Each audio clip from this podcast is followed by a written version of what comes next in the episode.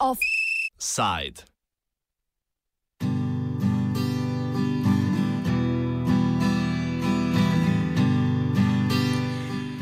Fahrenheit 219. The roof, the roof is on fire.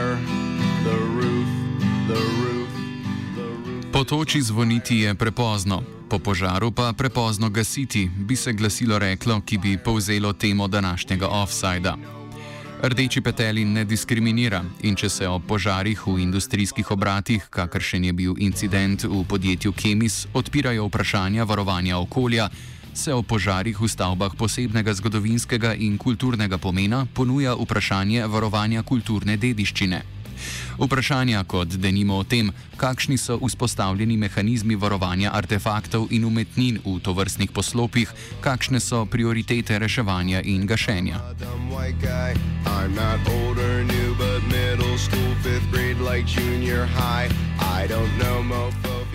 Operativni princip požarne varnosti je razdeljen na dve glavni polji: preventivno požarno varnost in intervencijsko prakso. Preventivne ukrepe razloži Dejan Jurkovič, predsednik Komisije za preventivo pri Slovenski gasilski zvezi.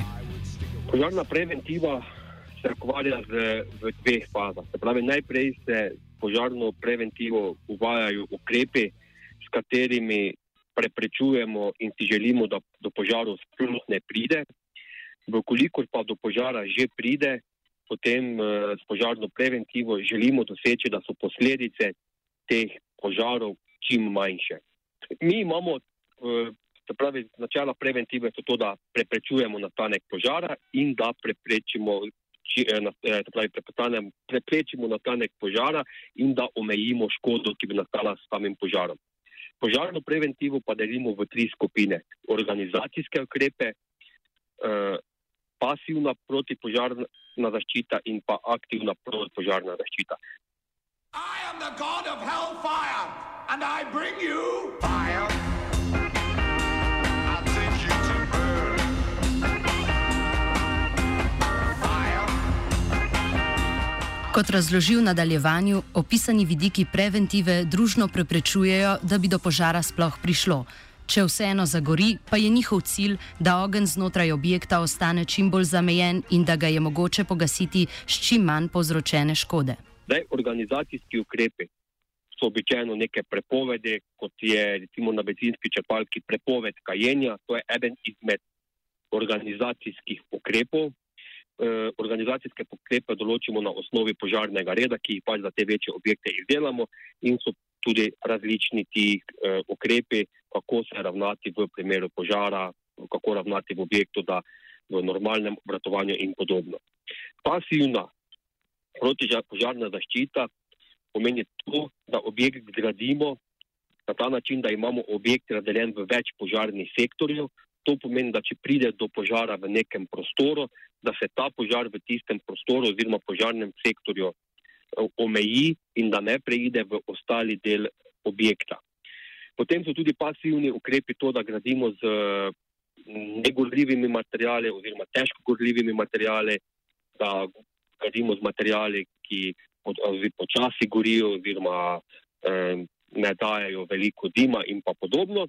Aktivna protipožarna zaščita pa so ukrepi z neko tehniko, ki se aktivira v primeru, do, da do požara že pride. Se pravi, da so neki javljalniki dima, gasilne, gasilni sistemi, sprinkler sistemi in pa podobno. Skratka, ko do požara pride, se nekaj aktivira in se potem tudi eh, omejuje sam požar.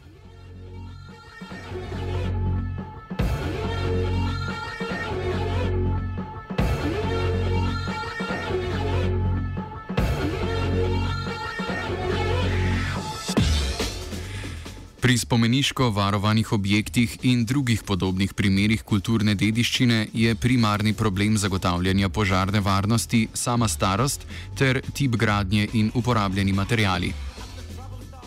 V Sloveniji na področju objektov, ki so spomeniško zaščiteni, je požarna preventiva slaba.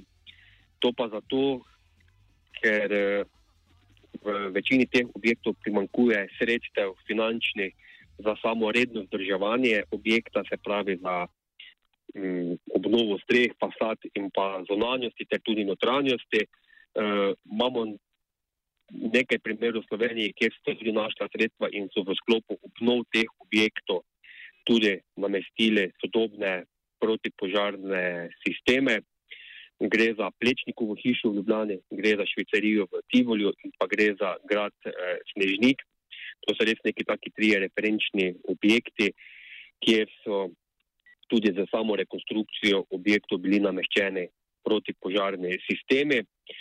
Tukaj pa ni pomembno samo na finančnem vidiku, ampak tudi mora biti volja in pa razumevanje arhitektov, kulturovarstvenikov, da dovolijo vgraditi v objekte te sisteme. Je res, da potem sodelujejo s projektanti teh protipožarnih sistemov, da so ti sistemi čim manj opazni, ampak da še vedno imajo funkcijo in da se čim manj s temi sistemi posega v avtentičnost samih objektov, samih konstrukcij, samih prostorov in podobno.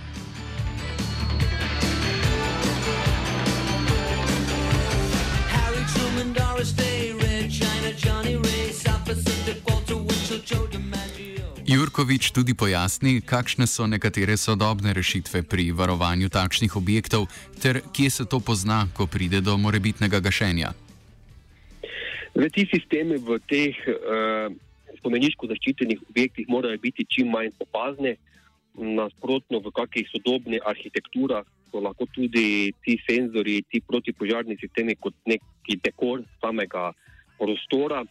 Potem je tudi pomembno to, da v Eh, pri izbiri gasilnih sredstev. Če imamo mi neko skladišče, lahko gasimo z vodo, dočim v nekih spomeniško zaščitenih objektih so običajno to se gasi z pline.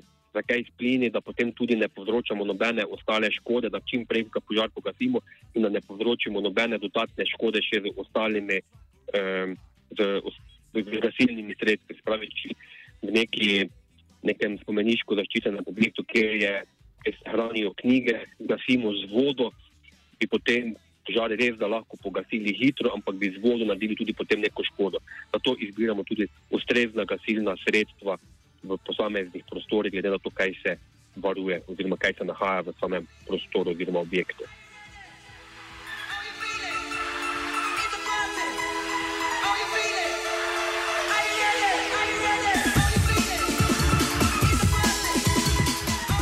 Ker pa preventiva neizogibno kdaj odpove, se z ognjenimi zubli spopadajo intervencijske skupine.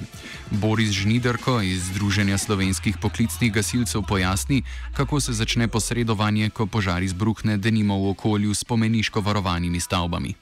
Prvi korak je ta, da sploh ugotovimo, da gre za kulturno dediščino, ker v nekem mestnem jedru eh, dejansko niso vsi objekti eh, enake stopnje varovanja iz kulturne dediščine, tako ko pa zadevo eh, lociramo oziroma ugotovimo, da gre za eh, kulturno dediščino, takrat so pa vsi nadaljni postopki tudi temu eh, na nek način prilagojeni. Eh, to se gre za postopke pri samem gašenju in potem tudi reševanju tiste imovine oziroma predmetov, ki so v tem objektu. Seveda, na prvi, v prvi vrsti pa eh, poskrbimo tudi za reševanje ljudi, seveda.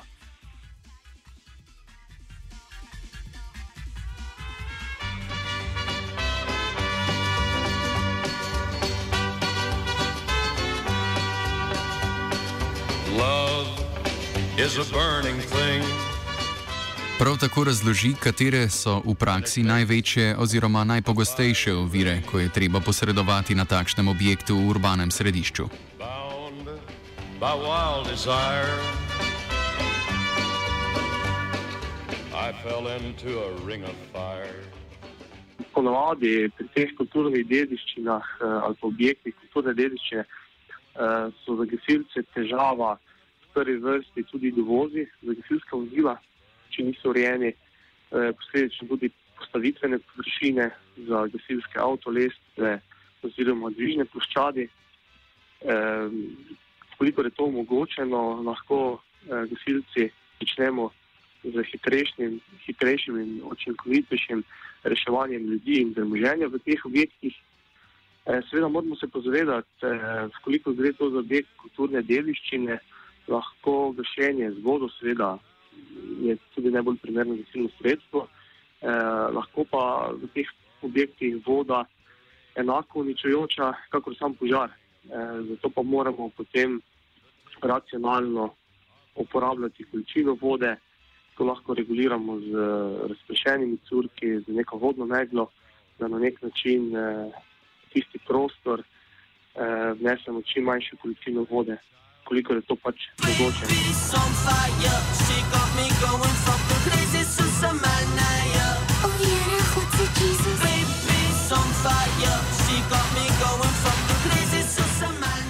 Kakor pojasni, je ena izmed pozitivnih praks upeljanih v tujini, ko pride do požarne varnosti kulturne dediščine, oblikovanje prioritetnih seznamov artefaktov, umetnin in drugega premoženja, ki jih gasilci sprejmejo ob interveniranju v objekt. Tega principa v Sloveniji še nismo sprejeli. Eh, seveda, na to pa je odvisno od eh, samega objekta. Tisti objekti, kolikor mi je poznano v Sloveniji, eh, malo kateri objekt ima nek uh, seznam uh, reševanj oziroma prioritet reševanja. Um, lahko mogoče menim za tujino, uh, na Polskem, v mestu Krakov, imajo gosilci, seveda z temi lastniki teh objektov, točno za objekt uh, seznam prioritet reševanja, ker mi gosilci žal ne moremo vedeti uh, v nekem objektu, kateri predmet oziroma del objekta je najpomembnejši. Zato pa tisti eh, seznami prioritet potem eh, pomagajo vodji intervencije, da gasilske enote usmeri v reševanje tistih predmetov, ki so najpomembnejši. Eh, seveda, tu je pa potem pomemben postopek reševanja, da gasilske enote tiste predmete ustrezno zavarujejo pri prenosu, tudi da zato najdemo takoj ustrezno drugo mesto kjer se lahko vem, eh, spremlja vlaga, temperatura eh, v tistem prostoru. Eh, tako to so nekje tisti najpomembnejši dejavniki pri reševanju eh, v objektih za kulturno dediščino.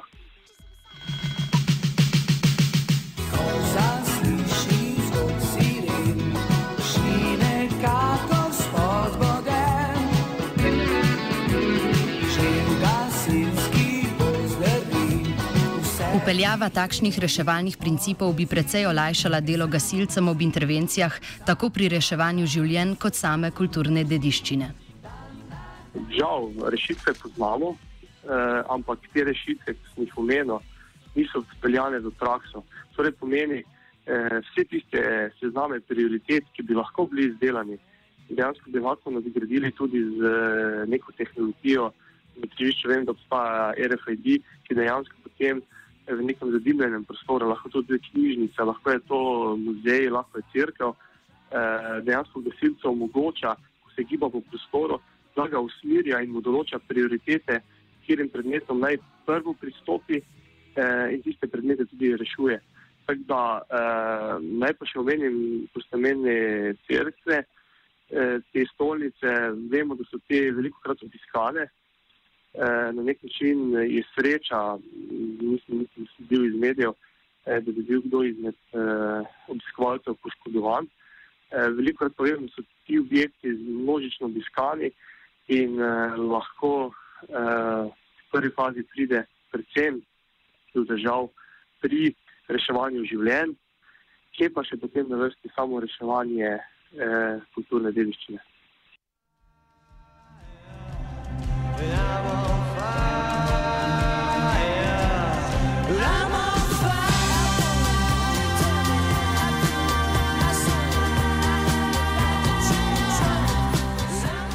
Sakralni objekti z visokimi gradnjami, predvsem katedrale, predstavljajo izziv za gašenje že zaradi svoje višine in tehničnih izzivov, ki se ob tem porajajo.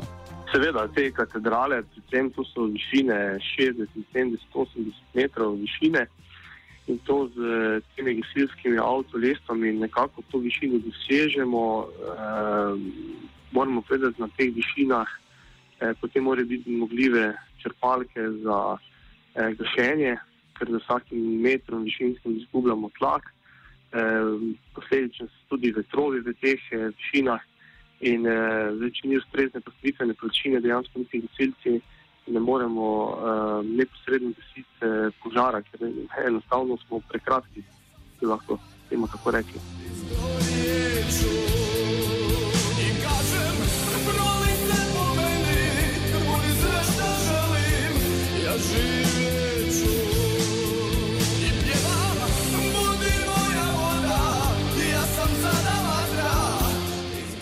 Žnidarko se prav tako strinja z oceno, da je na področju preventive v Sloveniji še veliko prostora za izboljšave, še posebej na zakonodajnem in inšpekcijskem področju. Žal, gasilci veliko krat eh, na vseh področjih, ne samo na kulturni dediščini, opažamo, da je eh, preventiva v zadnjih desetletjih na območju Republike Slovenije na nek način šepala, oziroma kaj so bili to zdaj vzroki, nisem za to kompetenten. Eh, definitivno pa na nek način eh, je to zadnji država za svojo zakonodajo. Eh, najpogostejše težave z področja preventive se veliko krat najdejo eh, v tem, da določeni objekti dejansko niso zauzeti v teh pravilnikih, da bi kakorkoli bili urejeni z vidika požarne preventive. Ne. Pa se to pogovarjamo z nekimi aktivnimi, pasivnimi zaščitami eh, ali nekimi javljalniki požara, požarnimi sektorji. Eh, vsi ti sklopi, ki jih dejansko ti preventivci lahko v nekih eh, objektih, ki so starejši, eh, umestijo te sklope v objekt, eh, gasilcem potem eh, samo nam omogočajo lažje intervencije oziroma manjši prenos požara po objektu. V večini primerov se pa soočamo težave z samimi pristopi in postavitvenimi načinami. To je pa neka osnova, ki, ki manjka. Ne.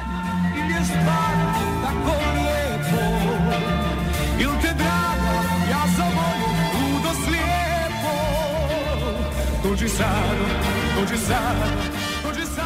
Sogovorca se strinjata, da bi bilo za preprečitev večjih izgub objektov in artefaktov posebnega pomena treba storiti več, sicer se bomo morali učiti iz tragedij. Koliko poznamo ta slovenski prostor, delajo se neke študije prek uprave zaščite in reševanje za gašenje na eh, kulturni dediščini, ampak eh, da bi prišli z konkretnimi predlogi, rešitvami, eh, žal tega pa še ne poznam v Sloveniji, da bi konkretno bila kakšna dobra praksa, ne vem, nekih eh, preventivnih, kakor tudi intervencijskih aktivnosti na tem področju.